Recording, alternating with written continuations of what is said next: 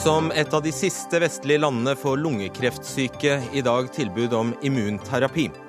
Men hvorfor går det så tregt i Norge? Hvorfor venter vi til en halv million nordmenn har kjøpt seg privat helseforsikring? Dess flere journalister de greier å sparke, dess mer øker bonusen til topplederne i landets kriserammede mediebedrifter. Fungerer prestasjonsbasert avlønning når jobben bare går ut på å kutte? Og arbeidsminister Anniken Hauglie opptrer som en gråtende kone og trøstende mor mer enn en ansvarlig statsråd, mener Arbeiderpartiet. Om jeg er det, da er i så fall Arbeiderpartiet en fraværende far, kontrer statsråden. Hvordan skal det gå med barnet, spør vi i Dagsnytt 18.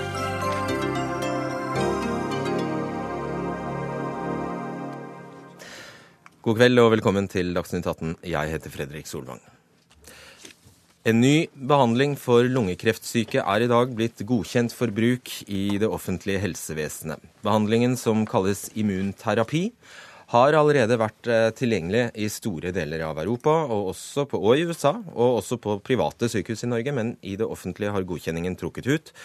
Bl.a. pga. spørsmål om penger og prioriteringer. Oluf Dimitri Rød, du er overlege ved sykehuset i Levanger og kreftforsker ved NTNU. Aller først, må jo nesten forklare, Vi må få en forklaring på hva dette er for noe. Hva er immunterapi? Immunterapi er en revolusjonerende behandling som går ut på at eh, man eh, greier å få immunapparatet til å oppdage kreftsvulsten og ta knekken på den. Det er veldig korte trekk, da. Ja. Det er med sprøyte som settes eh, hvor ofte? Hver andre eller tredje uke. Mm. Hva vet man om, om effekten, da? Effekten er meget god hos en del pasienter. Mellom 30 til 50% får eh, langvarige effekter, noen opptil flere år. Er dette i motsetning til, eh, i stedet for eller i tillegg til tradisjonell eh, cellegift? Det kommer, det kommer faktisk i stedet for cellegift i de fleste tilfellene. Um, fortsatt for lungekreft er det i andre linje etter at man har prøvd cellegift først. Men um, det er også en, eh, noe som virker bedre enn cellegift, og som kommer istedenfor cellegift. Du, hvor lenge, har vi, hvor lenge har dette vært en, uh, vært en mulighet? Uh, når det gjelder lungekreft, så har det vært en mulighet uh, med et annet medikament enn det her siden i Europa siden oktober i fjor. I USA enda lengre. Eh, det medikamentet her har vært eh, godkjent i USA fra oktober eh, i fjor og godkjent i EU 2. august i år. Så vi, det er riktig å si at vi er sist ute av store vestlige Altså alle i EU og USA, da? Det er nok ganske riktig å si, ja. Anne Lise Ryl, du er generalsekretær i Kreftforeningen. Det er en gledens dag. Jeg syns det er absolutt en gledens dag. Og det syns ikke bare vi i Kreftforeningen, men vi syns det jo på vegne av alle, altså den store pasientgruppa som har venta lenge og håpet at det skulle være mulig å kunne ta i bruk akkurat dette medikamentet. Men så hører vi jo her, altså, eller vi kommer til å få høre snart, at uh, det er ikke ferdig utprøvd. Nei, men eh, det viktige er jo at man tar, eh, tar, dette i bruk. Og mens man har det i bruk, så tar man også og følger opp og ser for å, å sjekke ut effekten. Generelt i dette landet så vet vi jo ikke bestandig hvilke medikamenter som har effekt. Uh, det er bare å vite når du tar en Paracet eller andre ting, så kan det, det er ikke bestandig den har effekt, men det kan ha effekt på den kompisen din som gjør det samme. Cellegift, to tredjedeler av alle som får cellegift, viser seg at de ikke har effekt eller dårlig effekt. Så dette er ganske vanlig. Men det vi håper å gjøre, er jo å følge disse enda tettere, sånn at vi kan lære, sånn at vi blir bedre til i forkant å vite hvem vi skal gi eh, medikamentene, fordi vi vet at det kommer til å ha god effekt. Så er det en historie som eh, Rød er eh, innom. Altså, Vi har noe som kalles Beslutningsforum i dette landet, som altså gjerne ville ha dette. Men hva skjedde etter det? Altså grunnen, hvis, du, hvis du kunne forklare oss hvorfor dette har tatt såpass lang tid i Norge, da. Fordi at uh, som det ofte har vært uh, når Beslutningsforum skal vurdere ting, så er det ikke uh, nytt nytten og, nytten og alvorligheten det står på, men det står på prisen. Og ofte er det jo en veldig høy pris for en del av disse medikamentene og da disse kreftmedisinene som det ofte har vært snakk om. og da har det vært sånn at selv om man hadde lyst til å gjøre det, så har de sagt nei. Men nå har man da fått en pris som oppleves som akseptabel slik at man kan gå for det. Og det er jo vi utrolig glad for, for vi har jo mange ment at Beslutningsforum kanskje er litt for streng, og har satt lista litt for lavt i hvilke priser man godtar. Så når dem nå har sagt ja, da tenker jeg at det er en, en opplagt god ting. Og hva snakker vi om da, bare sånn at vi andre forstår? Hvor, hva koster en slik behandling? Det, vi snakker jo om eh, millioner, uh, men vi snakker jo også om at uh, man kan få en livsforlengelse på mange måneder og kanskje mange år. Og også akkurat når det gjelder denne type behandling, så er det sjelden store bivirkninger. Så du vil jo kunne leve et normalt liv og normale hverdager og være en god samfunnsborger i vesentlig lengre tid. Det er få ting som er dyrere enn tapte leveår. Å stå i arbeid, f.eks. Ja. Mm. Bare kort til det, Rød. Eh, du er, skriver i en eh, kronikk i Aftenposten at nettopp fordi det tar så lang tid i Norge, bl.a. pga. dette Beslutningsforum, eh, så har vi som et ja, Du skriver faktisk at på tre-fire år så har Norge endt opp med et av de minst solidariske helsevesen i Vest-Europa. Og vi har fått et todelt helsesystem der folk betaler seg ut av dette. Ja. ja. Eh, de revolusjonerende medisinene som vi snakker om nå, eh, som, som eh, gjør at tidligere uhelbredelige og, og, svært aggressive kreftsykdommer nå Man kan se på det med, med litt mer optimisme og, og, føle at man kanskje kan gjøre noe mer for de pasientene. Plutselig får vi ikke lov å ta i bruk de her medisinene, mens vi ser våre kolleger i hele Europa resten av vestlige verden bruker det over lang tid. Vi møter dem på kongresser, og de forteller hvor fint det går med pasientene deres. Um, og, og, og, de får det da gjennom det offentlige. Og vi som er Norge, verdens, et av verdens rikeste land, uh, vi tar oss ikke råd til det. For at vi har råd, det er bare at vi tar oss ikke råd. Um, jeg vil bare si kort her at uh, det med Beslutningsforum er egentlig en litt uh, spesiell ting med Norge. Altså, vi har et toppsjikt av fire ikke-spisskompetente mennesker som faktisk tar avgjørelser som har med liv og død å gjøre. Ja, nå Ja, OK. Ja. jeg vet ikke. Ja. ja eh, det sier da har jeg grunnlag for å si. Um, og um, det gjør at um, vi har altså fått et sånt system at vi ikke kan bruke det her, eh, gi det her offentlig. Men samtidig så gis alle de her medikamentene eh, privat i Norge hvis man betaler for det. Disse ikke-spisskompetente lederne forstår jeg er altså lederne, øverste ledere for, eh, for de regionale helseforetakene, som altså ikke er til stede her jeg, jeg, tenk, jeg, tenk, jeg tenker på ikke-spisskompetent i forhold til kreft, ikke for andre ting. jeg skjønner, det er en grei understreking. Ok, Hans Olav Melberg, du er førsteamanuensis ved Avdeling for eh, helseledelse og eh, helseøkonomi, og nå må jeg bare finne ved Universitetet i Oslo. um, altså, Er det så enkelt som Røe sier her, at uh, fordi vi er et av verdens rikeste land, så har vi bare, burde vi konsekvent ha råd til det siste? Altså, Vi har råd til dette legemiddelet, og vi har råd til kanskje neste legemiddel. Men på et eller annet sted så finnes det også en grense, for vi har ikke råd til alt. Eh, og Det kommer an på prisen. og Her har det også en prisforhandling mellom legemiddelindustrien og myndighetene. Så eh, jeg vil si at dagen i dag den er gledelig, og dagen i dag viser også at systemet fungerer i hvert fall delvis. Fordi man sa nei i første omgang, og så sier man ja når prisen blir lavere. Så man trenger å si nei noen ganger for at prisen skal bli lavere neste gang. Og vi skulle så gjerne hatt legemiddelindustrien til eh, stedet her, for her vet jeg dere deler eh, synspunkt, Ryl, men de ønsket altså ikke å, å være her i dag, rett og slett. Men Melberg, vi snakker altså om om lag én million kroner for behandling i ett år? Nei, altså Det som man eh, snakker om her, er eh, det koster omtrent 1 eh, million kroner, litt i underkant av 1 million kroner, per sparte leveår. Per sparte leveår, Nettopp. Så okay. du betaler omtrent 1 million kroner for å få et leveår. Er det sånn at hvis vi koster på oss dette, så vil det uvegerlig gå utover andre pasienter? Ja, det gjør det. Og det er fordi eh, man har nå lagt denne beslutningen til Beslutningsforum. Det er nettopp de som styrer budsjettene på sykehusene. Og når de nå må bruke 250 millioner hvert år på dette over tid, så, så, må du kutte 250 millioner et annet sted. Hvis ikke myndighetene gir de 250 millioner ekstra i bevilgninger. Får vi vite hvem det er? Nei, og det er problemet her.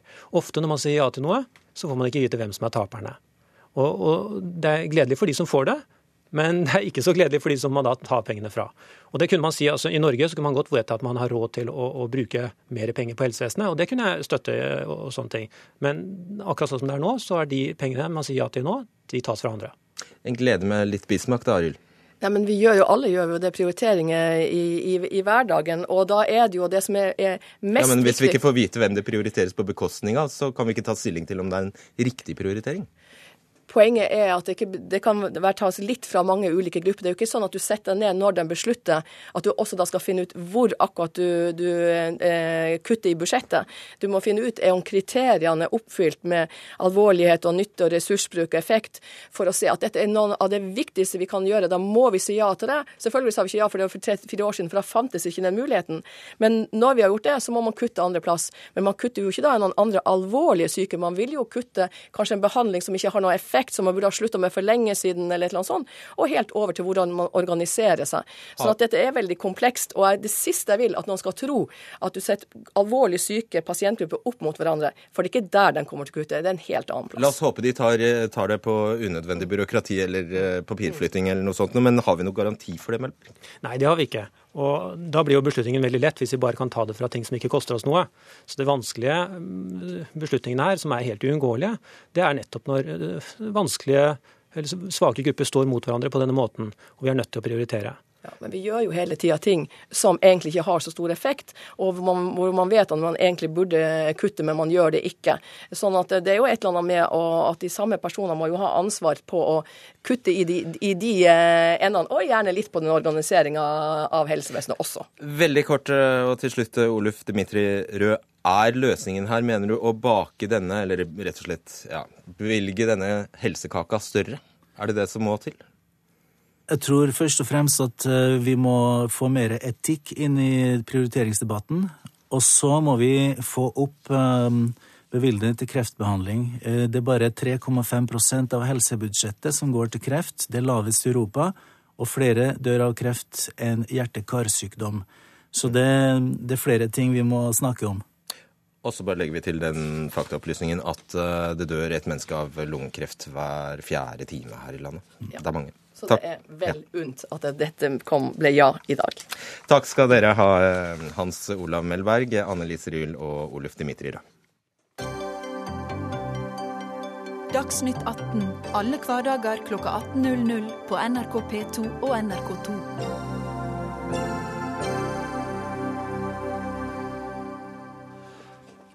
Nå, for uh, Høyre har kritikk for ikke å legge forholdene til rette for uh, framveksten av flere privatskoler.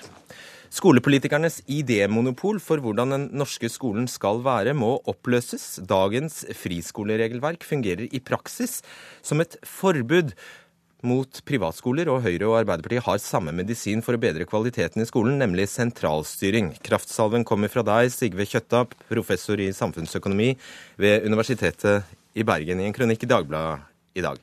Og for å gjøre en lang historie kort, det du etterlyser er egentlig flere, flere private skoler? Ja. Eh, det grunnleggende problemet eh, med skolen er at politikere de styrer for mye. Og at lærere og rektorer og foreldre og elever har for lite innflytelse i skolen. Det er kjerneproblemet. Og En måte å få det til på, det er å, å, å få slippe private inn på friskole. Og Hva skulle det hjelpe for? Hva, hva, skulle det føre til? Eh, det vil føre til at, eh, at, eh, at du får mer innovasjon. Altså det er innovasjon i, i skolen, eller generelt innovasjon, den kommer nedenifra. Du er jo forsker, så jeg regner med at du har, du har forskningsmessig belegg for en sånn påstand? En gang til at Siden du er forsker, regner jeg med du har forskningsmessig belegg for en sånn påstand? På at innovasjon kommer nedenifra? På at uh, f.eks. det å tillate flere privatskoler fører til innovasjon? Ja, altså det, å, altså det å, Jeg må forklare hva innovasjon er for noe. Innovasjon det handler om å sette ting ut i praksis. Altså Du har ikke noe innovasjon med bare å sitte og tenke. F.eks. i USA så er jo, er jo veldig, er veldig høy på innovasjon, men de har veldig lite patenter. Innovasjon handler ikke om å gjøre ting i praksis, prøve og feile. Og For å prøve og feile så må du få gode tilbakemeldinger. Og den, konkret, den i praksis, den måten som har fungert i, i den vestlige verden med tilbakemeldinger, er at eh, folk får uh, tilbakemelding gjennom at uh, elever går til skolen, og at uh, elever får lov til å beholde og at skole får lov til å beholde overskudd. Så dette er jo en, Det at innovasjon drives nedenifra, dette er jo en altså, Du kan jo aldri forskningsmessig bevise det, men det er de, det er de Gjennom 200-300 års historie med, med, med, med, vestlig liberalisme, så har det jo vært det. Det er jo kjernen i innovasjonsøkonomi. Den kommer nedenifra. Der har han jo et poeng, Henrik Asheim, stortingsrepresentant og utdanningspolitisk eh, talsperson fra Høyre. Eh, å vise til historien eh, i dette tilfellet har noe for seg. Altså, ikke hadde vi hatt landsgymnaser, ikke hadde vi hatt realskoler. Vi hadde ikke hatt katedralskole. Vi hadde ikke hatt forløperne for dagens utdanningssystem, og enhetsskole for den saks skyld. Vi hadde bare ikke hatt det. Alt dette her hadde det ikke vært for at loven så ganske annerledes ut en gang. Ja, men det er riktig. altså I starten da man laget skole i Norge, så var det jo nettopp ut av idealisme at man laget den skolen. Og så har vi fått en offentlig fellesskole. Men jeg er jo på langt vei Nå kan man slutte å tenke? Nei, definitivt ikke. Og det gjør man heller. Altså I norsk skole tenker man hele tiden og fornyer seg hele tiden. Men jeg lurer på om denne kronikken kanskje er skrevet i 2013, før eh, regjeringsskiftet.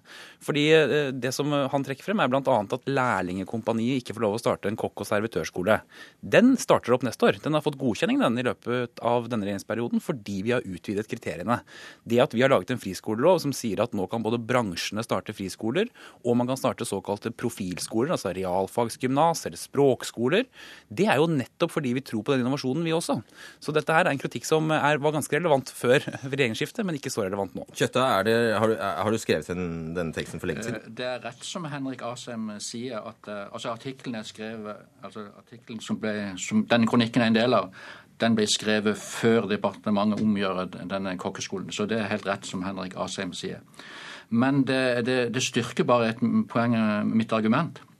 Det er fordi at altså For å få lov til å etablere, da må man gå tilbake hva, fris, eh, hva som skal til for å etablere en friskole. Da er det slik at det er ni I dag er det ni eh, Ni grunnlag. Ni, ni grunnlag, ja. Det er bl.a. Eh, religiøst, eller, eh, religiøst, og det kan være en god eh, videregående med, med, med toppgymnas osv. Men så er det også slik at, men poenget mitt det er at det er ikke lov til å etablere en alminnelig skole med alminnelig pedagogikk. Nei, for der har vi jo en skole allerede. En Nettopp. offentlig skole. Og Det er et godt spørsmål. Altså, Hvorfor skal vi etablere en alminnelig skole med en alminnelig pedagogikk når vi har en offentlig skole?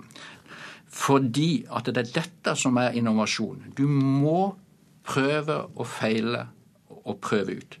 Altså Dette er småting. Innovasjon handler om de bitte, bitte småtingene. Skal elevene ha eh, varm mat eh, eller ikke? Skal vi ha ekstra lærerkrefter i småskolen? Og Poenget er at den, det der det kan bare avgjøres lokalt det er en eh, illusjon å tro at eh, Og det er den store politiske de, de, gjør så totalt feil. At de tror at de kan bestemme sånne ting. Altså, de, de kan godt bestemme det, men det blir ikke en god skole av det. Det er en ganske stor handlefrihet lokalt for skolene, altså for den offentlige skolen. Faktisk langt større enn mange eh, tenker på. Men så er det også sånn at altså det som jeg opplever at eh, etterlyses her, at man skal liksom bare gi fullt frislipp. Alle kan starte. Og det kan de i dag hvis du starter en ren privat skole. Den kan ta så høye skolepenger den vil. Du kan betale utbytte til Nei, da kan du betale utbytte til eierne. Du kan lage akkurat hvilken skole du vil. Det finnes eksempler på det i Norge. Men det vi diskuterer nå, er jo de offentlig finansierte friskolene, altså de som får et beløp av staten. Og da sier vi at det skal være noen kriterier i bånn. Men vi har jo utvidet dem nettopp for å skape den innovasjonen. Men hvis du eh, putter på måte markeds... Hva er prinsipielt forskjellig fra de rød-grønne da ved bare å utvide, eh, utvide, med noen få bokstavpunkter? Ja, den store forskjellen er at under de rød-grønne kunne du starte eh, uten noen stopp en kristen skole, men du kunne ikke starte en rørleggerskole. Nå kan du... Kjempeforskjell. Ja, altså, jeg mener jo at definitivt det er en forskjell. fordi det vi sier er at nå er det flere kriterier som skal ligge til grunn for å kunne starte en offentlig finansiert friskole. Men det er ikke frislipp for å få statsstøtte for å starte de skolene. Og jeg syns egentlig det er litt befriende for en gangs skyld få angrep fra Høyre i denne debatten her. For som regel så får vi kjeft for at det er fullstendig frislipp og kaos. Det er derfor du sitter her. Ja, nettopp. Ja. Eh, vi syns også det er befriende. Kjøtta, ja. eh, altså med de Du har jo fått med deg Westerdals-saken, f.eks. Det har vært Jon Bauer-skandaler ute og går. Du ser, jo hva som, du ser jo hva som kan skje. Ja, jeg synes det, det, det er en god sak. Det illustrerer litt. Altså, Nå skal jeg ikke blande meg opp i Høyre sin politiske taktikk, men, men så lenge den loven om utbytteforbudet består altså For, for dette, er en, dette henger, det, det, er en logisk inkonsekvens. Det går ikke an å drive en privat friskole med utbytteforbud. Altså, det, det, går rett og slett ikke an. Innenfor loven, mener du? Nei, ikke med den loven. Nei, for da vil du ha sånne saker on and on. Så, så lenge den loven består, så vil du ha slike saker. Men det som er poenget, men hvorfor politikerne forskjellsbehandler fastlege, f.eks.? Offentlig godkjente fastlege. Det er samme systemet som private uh, friskoler. Fastlege de får lov til å ta ut profitt. Eh, bøndene er akkurat det samme systemet. De er delvis offentlig finansiert. De får lov til å ta Du kunne også ha nevnt sykehjem og barnehage, sikkert. Ja. Sykehjem og barnehage. Ja. Hvorfor skal du forskjellsbehandle skole? Svar på det. Ja, Forskjellen er ganske åpenbar. Når det gjelder barnehage, så var det noe vi tillot nettopp for å få bygget nok barnehageplasser. Eh, og det, Derfor var det lov å ta ut utbytte. Vi har ikke skolemangel i Norge. Eh, vi har nok skoleplasser og det offentlige ansvaret uansett, men vi sier at det er bra med noen alternativer. Okay. Og Det samme gjelder på eldreomsorg. Vi setter jo ikke skole ut på anbud. Vi sier jo ikke at vi skal ha 10 000 plasser, men hvem har lyst til å drive dem? Skolen er det kommunen eller staten som har ansvaret for. Men så kan man også ha da andre aktører som i tillegg kan drive til en lav pris for elevene, slik at det er mulig for alle å velge. Med hånda, og dette her. Fastlege, da. Eh, helt til slutt, Henrik Asheim, med hånda på hjertet og svar, helt ærlig. Skulle du helst ha sett at det var større anledning til å ta ut utbytte fra skoledrift i Norge? Med hånda på hjertet, helt ærlig, nei. Ok, Takk skal du ha, Henrik Asheim og Sigve Kjøtta.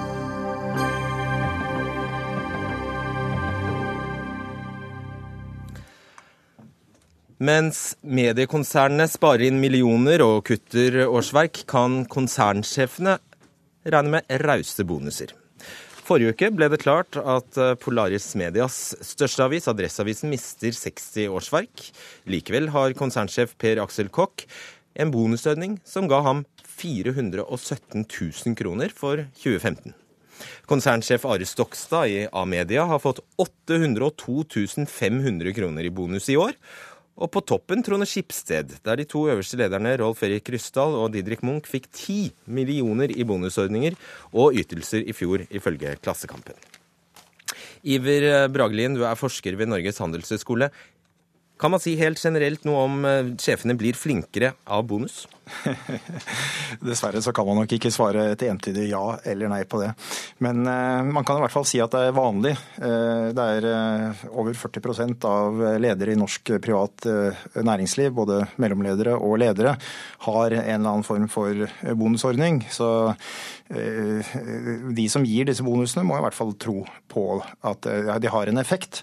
Men hvilken effekt, det kan jo være litt forskjellig. Altså Én ting er om de jobber hardere, altså jobber lengre kvelder osv. En annen sak er jo at styret og, topp, og, og, og eierne som sådan kan bruke disse ordningene til å vri oppmerksomheten til lederne. F.eks. For i forbindelse med en mulig oppkjøp eller lignende. Hvis da eierne vil at lederne skal bruke veldig mye tid på dette og, og, og vri oppmerksomheten sitt mot en sånn aktivitet, så er det klart at eh, da kan denne type insentiver virke i den retningen. Mm. Så er det jo ganske lett å forstå at det er logisk at man får bonus eller, eh, eller eh, provisjonsbasert eller resultatbasert lønn hvis det går bra. Men så er det heller ingen hemmelighet at den bransjen vi snakker om nå, har gått veldig, veldig dårlig i det siste. Er det da noe som tilsier at hvis man er inne i en E, det som fortoner seg som en evigvarende kuttprosess, at, eh, at man da vil gjøre det bedre av å få bonus? Ja, altså, eh, Det er i og for seg to effekter som jeg syns er viktige her. Det ene er effekten på den lederen som får bonusordningen. Og eh, I hvilken grad vedkommende faktisk gjør en bedre jobb eller ikke, det tror jeg nok er veldig individuelt. Det er veldig vanskelig å si eh, generelt at alle ledere kommer til å gjøre det bedre, eller alle ledere kommer til å gjøre det dårligere. Men det jo, som er interessant i denne saken, er jo hvordan dette virker på andre i organisasjonen. Det kan være andre ledere, mellomledere, men også vanlige ansatte i organisasjonen. Hva mener du med det? Nei, altså Hvis det er en positiv, positiv, effekt på lederen, så kan det hende at eh, de andre blir demotivert hvis de ser at lederen får veldig høye bonusordninger, bonuser, veldig høye utbetalinger, mens de kanskje da mister jobben. Så det er jo klart at det er en eh, spenning her eh, mellom de to effektene. Så eierne de må på den ene siden tenke at ja, vi må jo sørge for at vi har de beste lederne i en kritisk fase for organisasjonen, og da kan de, kan de tenke at Ja, eh, vi kan bruke bonusordninger for å både tiltrekke oss de lederne og beholde de lederne som vi ønsker oss, samtidig som vi kan vri oppmerksomheten deres i den retningen vi ønsker. Men så må de da tenke på hvordan virker dette inn på de andre ansatte eh, i organisasjonen. Kan dette være et uheldig signal overfor dem i en kuttprosess? Ja. Jeg tror det Bragelien forsøker å si, Bernt Olufsen, styreleder i Polaris Media, dette med uheldig innvirkning på øvrige ansatte rett og slett handler om at folk blir innmari forbanna og føler det innmari urettferdig når dette skjer. Adresseavisen, deres største lokalavis, skal nå kutte 60 årsverk.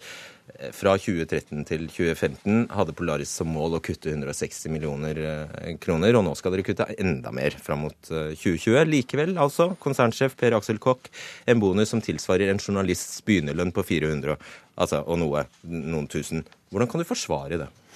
Det er ikke snakk om å eh, gi bonuser for å foreta nedbemanninger i Polaris. Eh, det er snakk om å sette tydelige krav fra styrets side til eh, våre ledere, og til å måle resultatene av deres arbeid. Styret ønskes, ønsker at godtgjørelsen til våre ledere skal bestå av to deler. En fast grunnlønn og en variabel lønn avhengig av de resultatene som oppnås. Og de eh, målbare kriteriene som eh, vi legger til grunn i Polaris, handler ikke om nedbemanning, det handler om resultater, og det handler om inntektsvekst og utviklingstiltak. Det er et sterkt eh, fokus på topplinjene i de kriteriene vi har utarbeidet for våre ledere. Og det skjønner jeg, men har resultatene igjen noe å gjøre med hvor mange man greier å si opp? Ja, det er klart at eh, kostnadsreduserende tiltak vil kunne påvirke eh, resultatet for eh, et konsern som Polaris. og Derfor er det helt naturlig også å vurdere eh, disse ordningene i lys av eventuelle nedbemanning. Det er ikke vedtatt noen bonus for 2016 i Polaris, og det er heller ikke behandlet foreløpig. Men vi skal diskutere dette i styrets kompensasjonskomité etter bl.a. en anmodning fra våre tillitsvalgte senere i høst. Eva Stemro, du er konserntillitsvalgt i Amedia. Og i Amedia har konsernsjef Are Stokstad fått en såkalt ekstralønn på 802 500 kroner i år. Og til sammen har Stokstad og fire av hans nærmeste medarbeidere fått fire millioner kroner i ekstra lønn for arbeidet med salget av Amedia til Sparebankstiftelsen, ifølge Dagens Næringsliv.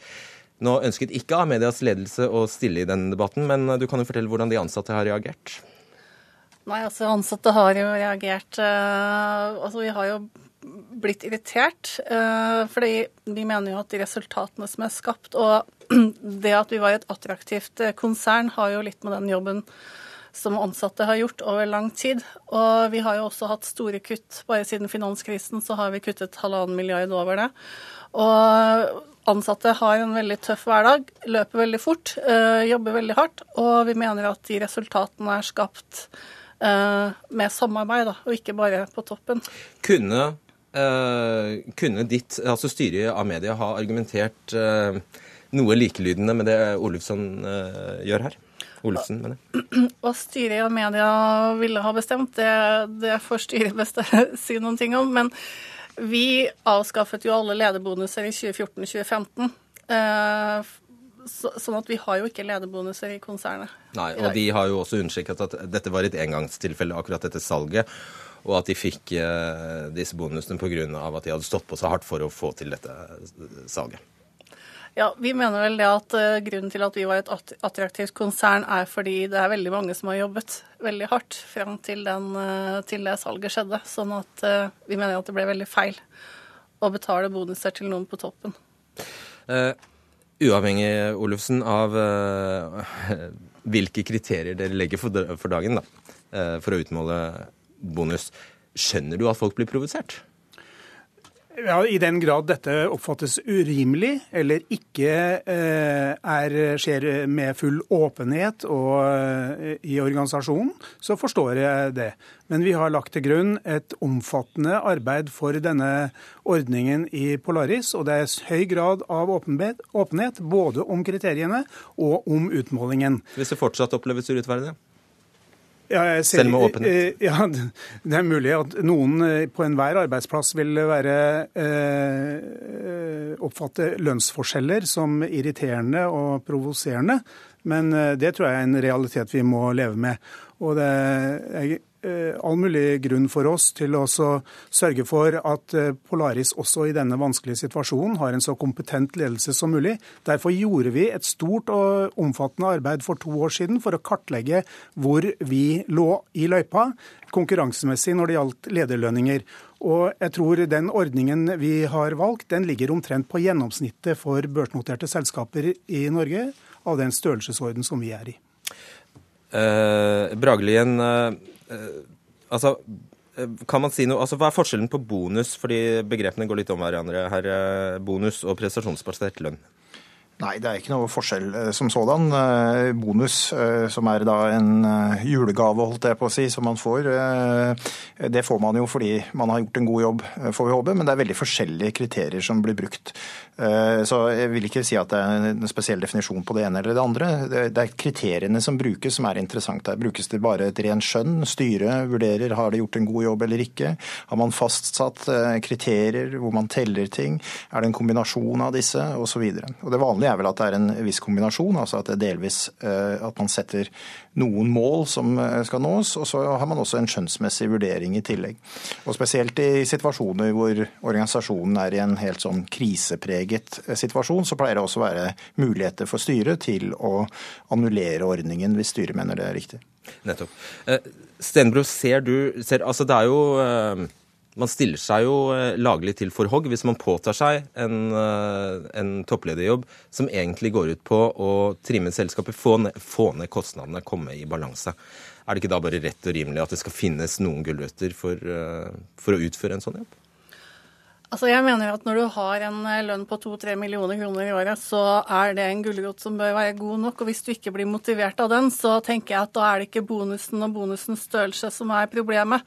Det som er min bekymring her, er jo hva sånne signaler eh, sender til resten av organisasjonen, og hva det gjør med resten av organisasjonen. For det er jo som det ble sagt her, vi, ikke, vi er ikke ferdig med, med, de utfordringene vi har. Vi har mange utfordringer foran oss.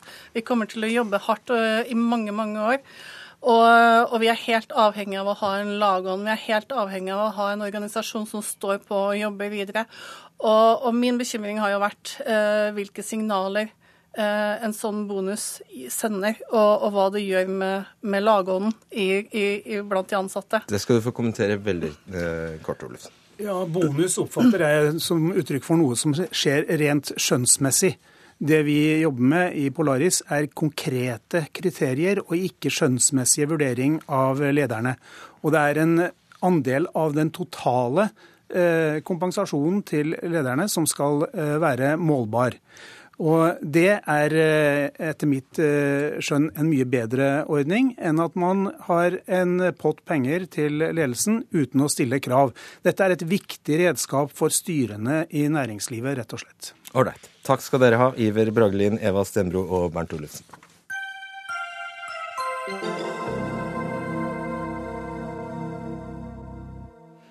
Nå til ny politisk strid om foreldrepermisjonen. For etter at en samlet programkomité i Høyre gikk inn for at far og mor kan ta ut foreldrepermisjon samtidig, har kritikken haglet mot forslaget som nå er ute til behandling i fylkeslagene.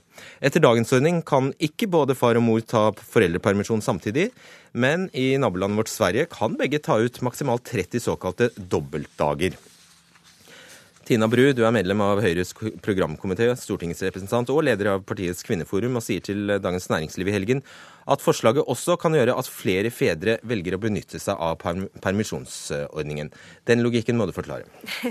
Ja, Det jeg har ment med de utsagnene der, er at uh, kanskje flere fedre velger å ta mer permisjon enn det de gjør i dag. Da burde Fordi, du sagt det, kanskje. Kanskje jeg får ta selvkritikk på at jeg har brukt, uh, ikke vært tydelig nok i politikerspråket uh, i det intervjuet. Men det er altså slik at det forslaget her, det handler ikke om fedrekvoten, som veldig mange synes å ha et inntrykk av i den debatten som går. Det er ikke snakk om at mor nå skal kunne ta permisjon samtidig som pappa har sin pappakvote, altså de ti ukene som er forbeholdt far, den skal fortsatt være som den er. Og det foreslår også nettopp flertallet flertall i programkomiteen, at vi skal beholde fedrekvoten. Dette handler om den resterende delen, altså den som i dag er til fri fordeling mellom foreldrene. Der sier vi at hvis familien ønsker det, så vil vi gi dem den fleksibiliteten og valgfriheten til å kunne velge å være hjemme i en begrenset periode samtidig, dersom de ønsker det. Og Hvor mange uker snakker vi om da? Nei, Vi har jo sett i Sverige 30 dager f.eks., som da betyr at det eh, vil telle som 60 dager av den totale permisjonstiden.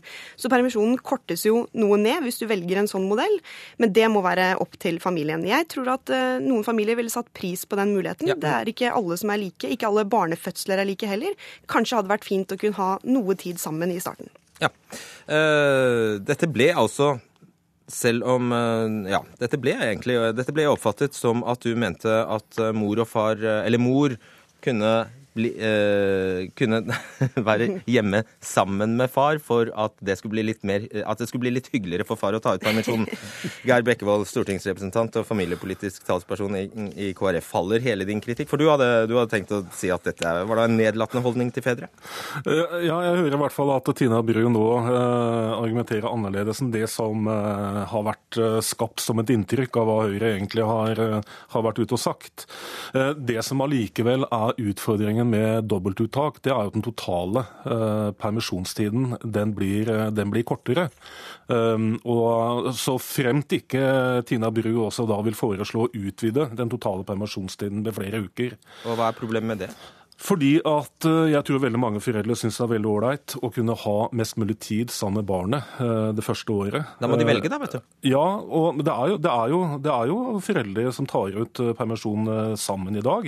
Men utfordringen med dobbeltuttak det er at permisjonstida totalt sett går ned. Ja, hva er problemet med det, spør jeg? Foreldrenes tid med barna blir kortere, og kabalen kan bli vanskeligere. og Barnehavestarten kan også komme langt tidligere enn det foreldrene mener kanskje er optimalt for barnet sitt. Er det et problem for deg eller for familiene? Det er, det er, et problem for, eh, for mange barnefamilier eh, som synes at, uh, at det å, å, starte barnehagen før barna er ett år, det er ikke optimalt for, for, for barn.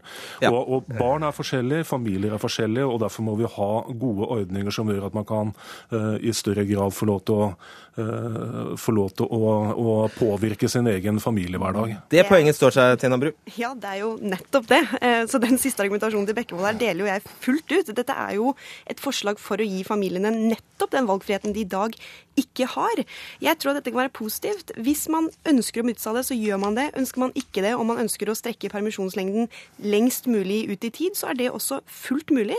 Men jeg klarer ikke forstå den argumentasjonen om at dette på en måte ikke er bra, samtidig som man er opptatt av valgfrihet. Fordi det er ikke alle barn det. som er klare for barnehagen når de er ni måneder? Nei, men Det må da vitterlig være opp til foreldrene å få lov å bestemme det. Uh, og her snakker vi om kanskje en måned til eller fra. Det må foreldrene få bestemme. En annen, ting, med... uh, nei, jeg har bare lyst til, en annen ting, Tina Bru. Altså Denne fellesperioden som du snakker om, altså disse fire, er det fire uker?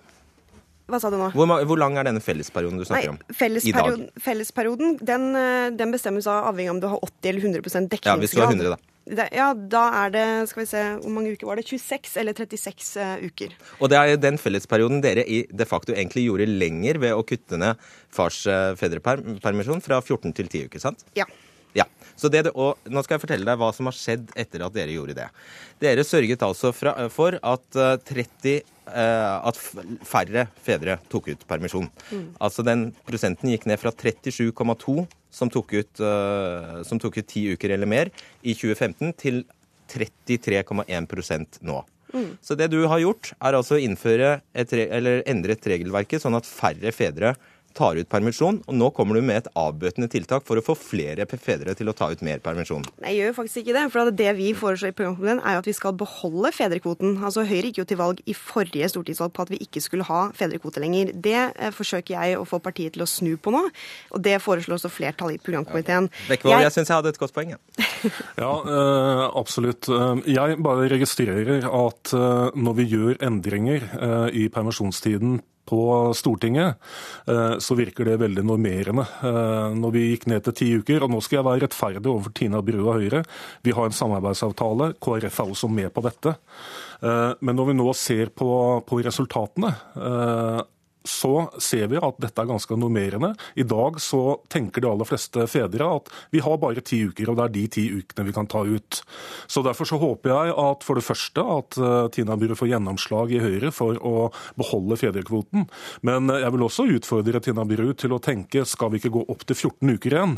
Fordi, fordi jeg tror det kan være, være, et mer riktig skritt å ta for at fedre skal få mer tid sammen med barna sine. Og så tror jeg ikke det er sånn alltid, Tina Bru, at, at alle fedre syns det er veldig attraktivt å ta ut sin permisjonstid sammen, sammen med mor. Jeg tror faktisk mange fedre synes det er veldig ålreit å kunne få lov til å være alene med barnet i permisjonstida, eh, og som setter stor eh, pris på de ukene. Jeg er helt enig i det, men i, i, dag er det slik at når far tar, tar, ut fedrekvoten sin, så er det full anledning for mor å gå hjemme hvis hun ønsker det. Det er ikke noe aktivitetskrav knyttet til Eh, nei, sånn er det faktisk. Eller ja, på, på mødrekvoten er det det. Men på fellesdelen av permisjonen så er det kun krav på mor. Da er det ingen krav på far. Altså, Jeg tror vi er nødt til å tenke litt videre for å se kan vi rigge familiepermisjonen på en annen måte som kanskje gir flere muligheter. Hvis man hadde innført en sånn type dobbeltordning, og det førte til at flere fedre tok mer permisjon enn bare det som er kvota i dag, så mener jeg at det er godt. Og nå har du i hvert fall forklart hva du egentlig mente. Takk skal du ha, Tina Bru og Geir Bekkevold.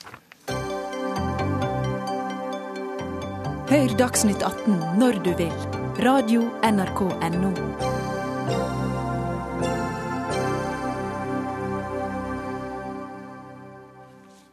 Lille speil på veggen der, hvem er flinkest til å få de unge ut i arbeidslivet i landet her? Debatten raser mellom Høyre og Arbeiderpartiet etter at arbeidsminister Anniken Hauglie kom med ti råd til arbeidsledige i VG for helgen.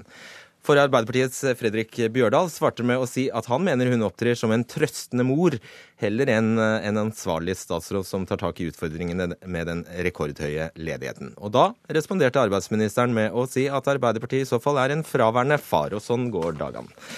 Fredrik eh, Bjørdal, stortingsrepresentant for Arbeiderpartiet, sitter i arbeids- og sosialkomiteen på Stortinget. Eh, altså, Anniken Hauglie gjør jo ikke ikke noe galt her, vel? Hun kommer med ti ganske praktiske råd hvis man blir arbeidsledig. Saken er den at vi har rekordhøy arbeidsledighet. 139 000 ledige. Det er like mange som det bor på hele Sunnmøre. Det blir nesten ikke skapt en eneste arbeidsplass i Norge, og det er gått så langt at sjøl gamle hornet på veggen, Karl Ivar Hagen, synes regjeringa gjør for lite for seint. Og når arbeidsministeren velger å, å, svare det opp med å gå ut i, i, i VG med disse rådene til unge, eh, som er av typen registrer CV-en din på Nav, vær aktiv, skriv på Facebook at du vil ha jobb, bli din egen sjef. Eh, så syns jeg det, det, er på sin plass å, å minne Anniken Hauglie på at hun, hun, er, er hun, er, faktisk arbeidsminister og må gjøre jobben sin. Hun er ikke motivasjonscoach eller karriereveileder. Men er, er det dårlig råd? Det er i hvert fall ikke råd som bidrar til å få unge inn i jobb. En arbeidsminister har som oppgave å brette opp ermene og eh, foreslå politikk som gir unge muligheter på arbeidsmarkedet. Så det er hun gråtende kone, coach eller trøstende mor eller noe sånt? Ja, hun er mer opptatt av å gi klapp på skuldra og motivere enn hun er av å få unge ut i arbeid. Anniken Hauglie, arbeids- og sosialminister eh, fra Høyre. Jo, han har jo et poeng når man leser disse punktene, så er det veldig coachaktig. Bli synlig, driv egeninnsats, vær mobil. Søk deg til nye bransjer. Fyll inn hull i CV-en. Grip muligheter. Jeg tror det er viktig at man skal ha to eh, tanker på en gang. Det som har slått meg når jeg har reist rundt i landet og snakket med bl.a. ungdom, det er at eh, det er utrolig mange av dem som ikke er klar over hvilke muligheter som finnes. For det første så er det mange som ikke er klar over at det finnes mange jobber i store deler av landet. Ledigheten går jo ned i 14 av landets fylker. Mange er ikke klar over hvilken hjelp man kan få bl.a. hos Nav til å fylle hull i CV-en, til å få hjelp til å søke jobber, til å starte egen bedrift. Mange er ikke klar over de, eller få tilrettelagt arbeid. Eh, og det å både synliggjøre alle de mulighetene mulighetene som finnes. Det mener jeg faktisk også vår plikt som politikere. Men så er jo det som er aller viktigst, det er jo å skape flere jobber. Legge til rette for at flere bedrifter etablerer seg i, i nye markeder. At vi klarer å holde hjula i gang på kort sikt. Til VG, eller? Nei, Hvis man leser hele saken, så ser man jo at, eh, at saken handler om flere ting. Det, handler, det, ene handler om hva regjeringen gjør for å skape og legge til rette for flere arbeidsplasser gjennom tiltakspakker, gjennom satsing på infrastruktur, gjennom langsiktige eh, satsing på, på forskning og utvikling omstilling. Eh, det er jo det som er hovedgrepet. Men i tillegg så er det også viktig å synliggjøre muligheter. For det er mange muligheter, men jeg registrerer at hver gang det kommer en prognose som viser at økonomien går i riktig retning, så skriker Arbeiderpartiet det motsatte. Kan du se at virker, disse rådene dine kan virke litt provoserende på den som står der og uten jobb?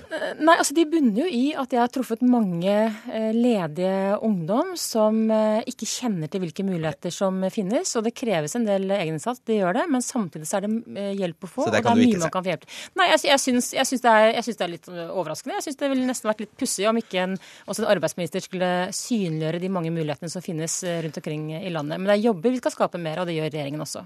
Eh, Bjørdal, hva burde hun gjort? Det første hun må gjøre, er å ta situasjonen på alvor. Og På meg så virker det som hun enten ikke forstår eller ikke vil forstå hvor alvorlig situasjonen er for de 139 000, mange av de langs kysten i mitt, eh, i mitt valgdistrikt, som, som, står uten jobb. Det hun burde gjort, var for det første å endre permitteringsregelverket slik partene ba om, uten at det skulle gå et, et og et halvt år med masing fra alle som har kompetanse på hva næringslivet trenger. Hun eh, burde kommet med en ordentlig tiltakspakke, i stedet for en som ble avslørt av Stavanger Aftenblad som bløff.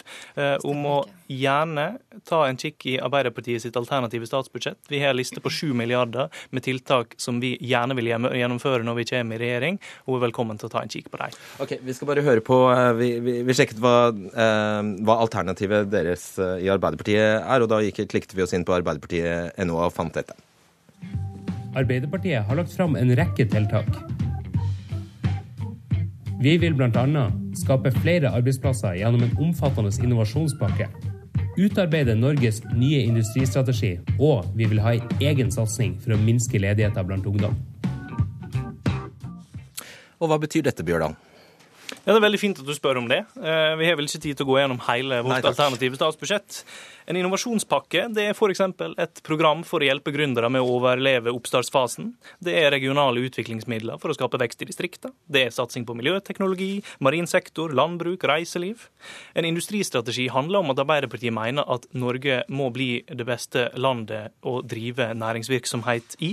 Derfor vil vi ha en eksportstrategi for landindustrien for å øke verdiskapninga. Vi vil ha en egen eh, statlig lånegaranti for å øke investeringstakta. Og vi vil ha fortsatt statlig eierskap, ikke nedsalg salg, sånn som Høyre vil. Når det gjelder ungdomspakken vår, så er den veldig konkret. Det handler om en egen forsøksordning med Nav Ung. Det handler om et løft for yrkesfag, fagskoler, studieplasser. I motsetning til Høyre, som ikke leverer på næringspolitikken, og som ikke nevner ordet arbeidsledighet med ett ord i sitt nye partiprogram. Ok, Dette var jo faktisk ganske altså, konkret. da. Jeg, jeg, skjønner at differansen på å bry seg og ikke bry seg er om arbeidsledighet er nevnt én eller tre ganger i programmet. Det som, det som eh, Bjørndal glemte i sin oppramsing, var jo den skatteregningen på 10,5 milliarder som de ønsker å sende til bedriftene bedriftene. Det siste bedriftene trenger nå, i den situasjonen vi er i, er en gigantisk skatteregning som svekker deres økonomi. Det som vi ser nå, er jo at eh, antall sysselsatte det øker. Vi ser at det registreres flere ledige stillinger eh, på Nav. Vi ser at eh, driftsinnskrenkningene reduseres. Vi ser at ledigheten går ned i 14 av landets fylker. Og så er det helt riktig at Sør-Vestlandet sliter fortsatt fordi man har vært svært oljeavhengig. Og det er også bakgrunnen for at vi retter vår hovedinnsats mot Sør-Vestlandet og for å omstille Norge til en ny Eh, en ny tid. Det som er kritikk mot Arbeiderpartiet, det er at man da til tross for at alle visste at vi var så oljeavhengige som det var, så brukte ikke Arbeiderpartiet de åtte årene sine på øh, Brukte de gullårene på å omstille Norge til en ny tid. Tvert imot så var det full gass. Øh, og, vi og, var fortsatt like sårbare og fortsatt like oljeavhengige da det gikk ut av regjering som da det gikk inn i regjering. Og det er vår fremste oppgave nå, å sørge for flere bedrifter i nye næringer, at Norge får flere bein å stå på. Men det er jo Arbeiderpartiet er som legger fram disse planene. Det er jo Arbeiderpartiet som legger fram øh, forslag til industristrategi osv. Hvorfor er det ikke dere? Altså, vi legger fram en rekke strategier og meldinger, vi også. Men hvis man ser på det man gjorde i statsbudsjettet f.eks., så var det en kraftfull tiltakspakke. Flere tiltaksplasser, flere eh, storstilt satsing på eh, samferdsel, vei og bane, eh, oppussing av offentlige bygg, skatteletter. Og det som både skaper og holder hjula i gang her og nå, det er det viktigste. Men det, men det som vi også må gjøre, og som Arbeiderpartiet er helt fraværende i, det er jo hvordan skal vi klare å etablere nye bedrifter i nye markeder, gjøre oss mindre oljeavhengig og ruste oss for en helt ny tid. Der er de helt fraværende. Bjørda. Regjeringa er veldig flink til å bruke mye penger, men alle som har sett Luksusfellen vet at det går an å bruke mye penger og likevel bruke de helt feil. De har i realiteten bare ett Ja, forslag. er det det er skattekutt eller? på over 20 milliarder kroner. Hvis dere hadde kutta ut disse skattekuttene bare i tre dager, så hadde vi hatt nok penger til å bygge ei ferge på Vestlandet. Formuesskatt, kutt i formuesskatt skaper ingen arbeidsplasser, det vet vi. Men, men, men, altså, men hovedsatsingen til regjeringen er jo på, på samferdsel. altså En 50 økning sammenlignet med den forrige regjering. Det går jo ut fra at dere ikke syns det er så gærent. Eller storstilt satsing på kompetanse, for det er det som skal eh, omstille oss til en, eh, til en ny tid. Men det viktigste er jo at man ser at politikken gir resultater. Ekspertene og prognosene eh, og utvalgene kommer nå og sier at eh, bunnen er nådd. Vi ser lysglimt, men det betyr ikke at vi skal lene oss tilbake. Vi har, del at det forts stemmer. vi har fortsatt en jobb eh, å gjøre. Eh, kort spørsmål til dere begge to. Har du vært arbeidsledig noen gang, Anniken Hauglie? Jeg var det i høst, vet du. ja, stemmer det. det da. arbeidsledig, så Ja, så jeg har vært det. Har du, Fredrik Bjørla? Heldigvis ikke. Ikke? Ok. Takk skal dere ha.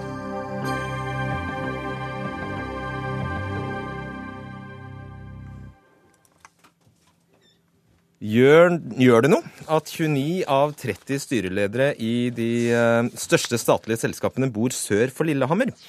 Det, Trønderavisa, eh, det er Trønderavisa som har gjort denne opptellingen av alle statlige selskaper der staten har en eierandel på over 50% Målet var å se hvordan statsmakten blir eh, spredd geografisk. Og den blir spredt en del på Østlandet, men kun én av styrelederne bor altså nord for Lillehammer.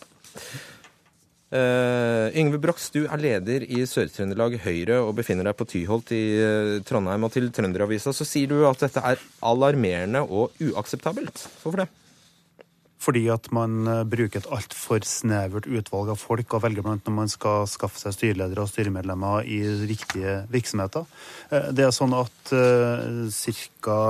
14% av befolkninga bor i Oslo. De har halvparten av styrelederne i de selskapene vi nå snakker om. Eh, Nord for Dovre bor ca. 18% av befolkninga. Vi har én styreleder plassert i det området. Det er altså da styrelederen for, for Vinmonopolet. Eh, De beste fotballagene er dem som har den bredeste stallen. Det er fordi at man har flere og mer talent å, å velge blant. Eh, Så det som er det aller viktigste her, er å sørge for at de får en bredere rekrutteringsbase. Og hvordan har du tenkt konkret Yngve Brox, å gjøre det? Hvilken regel har du tenkt å formulere som skal sørge for at det blir annerledes? Jeg tror ikke det trengs noen regel. Jeg ser jo det at eh, næringsministeren svarer godt for seg i eh, avisa i dag, nemlig at vi må være bevisst på de problemstillingene og sørge for oss å gå ut og rekruttere bredere. Handler... Vi må være bevisst og rekruttere bredere. Det Ja, skal sørge for ja, eh, det, det handler bl.a. om å være villig til å stille spørsmålet til folk utafor Oslo om de kan tenke seg å ta på seg disse vervene. Ja, kjenner du noen som kunne ha tatt på seg disse vervene, som, altså, altså, som er kompetent, men som ikke er spurt? Du, Bare i den byen hvor jeg bor, bare i Trondheim, så har vi en lang rekke mennesker med kompetanse til å kunne både sitte i styret og til å kunne lede styrer som f.eks. For, for den del altså Telenor og Mesta og, og, og Statskog. Jeg skal ikke begynne å fremme navn på kandidater her og nå. Men det er altså sånn at eh, i de andre regionbyene og de andre regionene enn det sentrale østlandsområdet, så sitter det svært mange mennesker som har kompetanse som staten bør benytte seg av. Frank Bakke-Jensen, stortingsrepresentant. Også du fra Høyre sitter i næringskomiteen på Stortinget. Du er med oss fra Tromsø. Du svarer på vegne av eh, regjeringen her, som ikke hadde anledning til å stille. Men eh, ja, hva sier du til, eh, til din kollega og kanskje venn, for alt jeg vet? Ja, Ja, ja.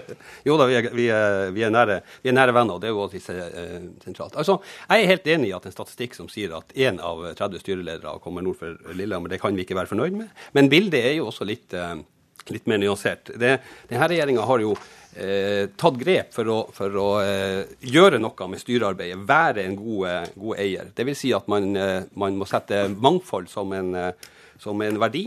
Ja, Eh, og det man- mangfoldet eh, arter seg slik at det kun er Hill Marta Solberg som, eh, som har bostedsadresse utenfor, utenfor Østlandet. Jo, men det, er også litt av problemet. I Hvis du- 30 hvis du skal- selskaper, hvis du, altså. Jo da, men hvis du, skal, hvis du skal avbryte før man kommer til poenget. For at Her handler det også om styremedlemmer. og Hvis vi går inn og ser på befolkningsstatistikken, så treffer vi rimelig bra i forhold til antallet styremedlemmer i, der, der vi har oppnevnt styremedlemmer fra, i statlige eh, selskap der, der staten er majoritetseier. Sånn at, uh, Du snakker er- om medlemmer, jeg snakker om styreledere. Jo er det det som er forskjellen? Ja, det er, også, det, det er jo også sånn at er styremedlemmer eh, da får seg erfaring og kan bli styreledere etter hvert. Eh, for det her handler faktisk om flere ting. Vi er nødt til å se på kompetanse. Vi er nødt til å se på kjønn. Det skal differensieres på alder, det skal differensieres på geografi, og det skal differensieres på erfaring. Det, jo, det viktigste det er jo at vi har en god eh, eierstrategi og en god eierpolitikk, sånn at vi får de dyktigste styrene. Og så skal vi være obs på, eh, når vi, får, eh, når vi får, tall som, som eh, fra, fra Trønderavisa, der, vi, der, jeg er også helt enig i at det kan ikke være det kan ikke være riktig at vi ikke finner kloke, så kloke hoder lenger nord at vi kan, kan hente styreledere der. Men, men, som sagt, hvis du går inn og ser på styremedlemmene Nei, du, mener, du, du kan ikke kritisere meg for å avbryte deg når du bare snakker og, så lenge. Altså. Og, jeg mener at ja. styresammensetninga er et godt bilde på om man har klart å skape mangfold. Ja, fint. Marit Arnstad, parlamentarisk leder i Senterpartiet. Du befinner deg på Værnes. Hvorfor skjer dette? Hvorfor bor alle disse styrelederne på Østlandet?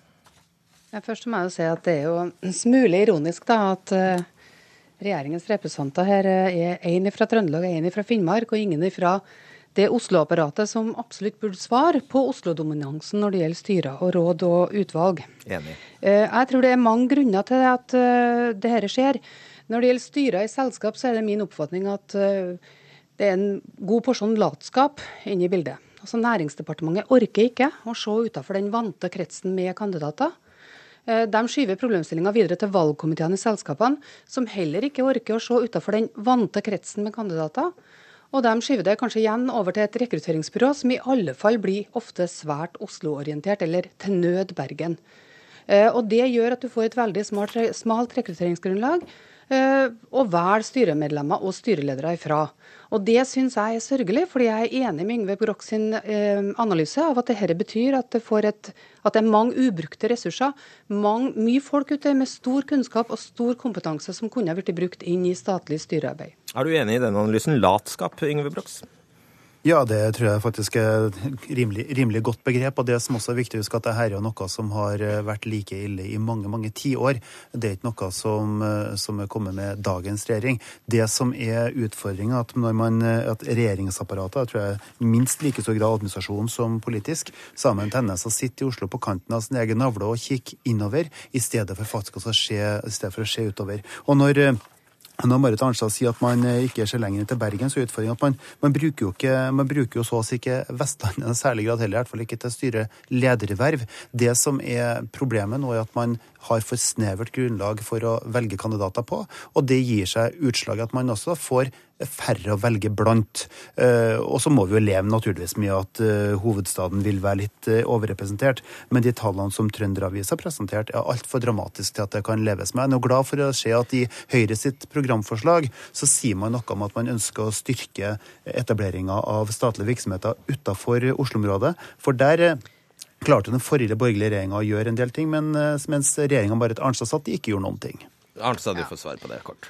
Ja, altså Jeg er bekymra over denne utviklinga fordi den løper sammen med to andre trender.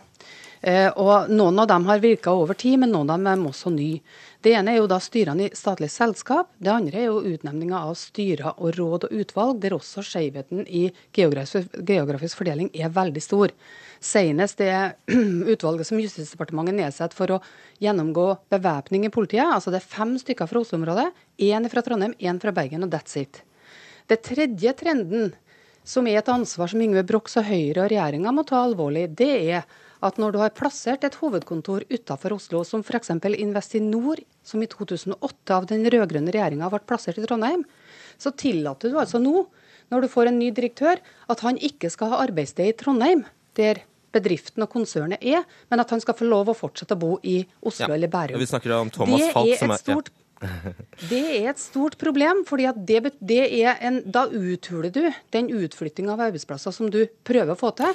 Og jeg er redd for at det samme kommer til å skje igjen når det gjelder Arbeidstilsynet, som snart skal ansette ny direktør, og der en heller ikke har spesifisert arbeidssted Trondheim. Det kunne, kunne og det, Nå må du svare på et halvt uh, minutt, Frank Bakke-Jensen. Altså, hvorfor eh, tillater man at styreleder Thomas Falk i Investinor altså bor i Oslo? Nei, altså, jeg er jo, For det første så er jo Senterpartiet er jo aldri så god som når de sitter i opposisjon. Jeg syns det her er både riktige vesentlige og viktige spørsmål det Marit stiller nå. Det er jo sånn at vi under den forrige regjeringa, da, da jeg også satt i næringskomiteen, eh, lamsa opp den ene saken etter den andre med kameraderi og, og tildeling av posisjoner og rokeringer i styret for å få plassert kompiser inn. Nå er jeg helt enig. Vi bruker et godt program for å skape gode prosesser, eh, ettersporbare prosesser som, som også ivaretar omdømmet til selskapene. Og så er jeg helt enig, her er ennå noen hold i for, også, og så er det ennå noen, noen hold i det. og jeg er helt enig med deg, Marit. Vi skal ha eh, bosatte administrerende direktører der selskapet er. Takk skal eh, dere ha. Ansvarlig for Dagsnytt 18 i dag var Fredrik Lauritzen. Eli Kyrkjebø var i teknikken, og jeg heter Fredrik Solvang.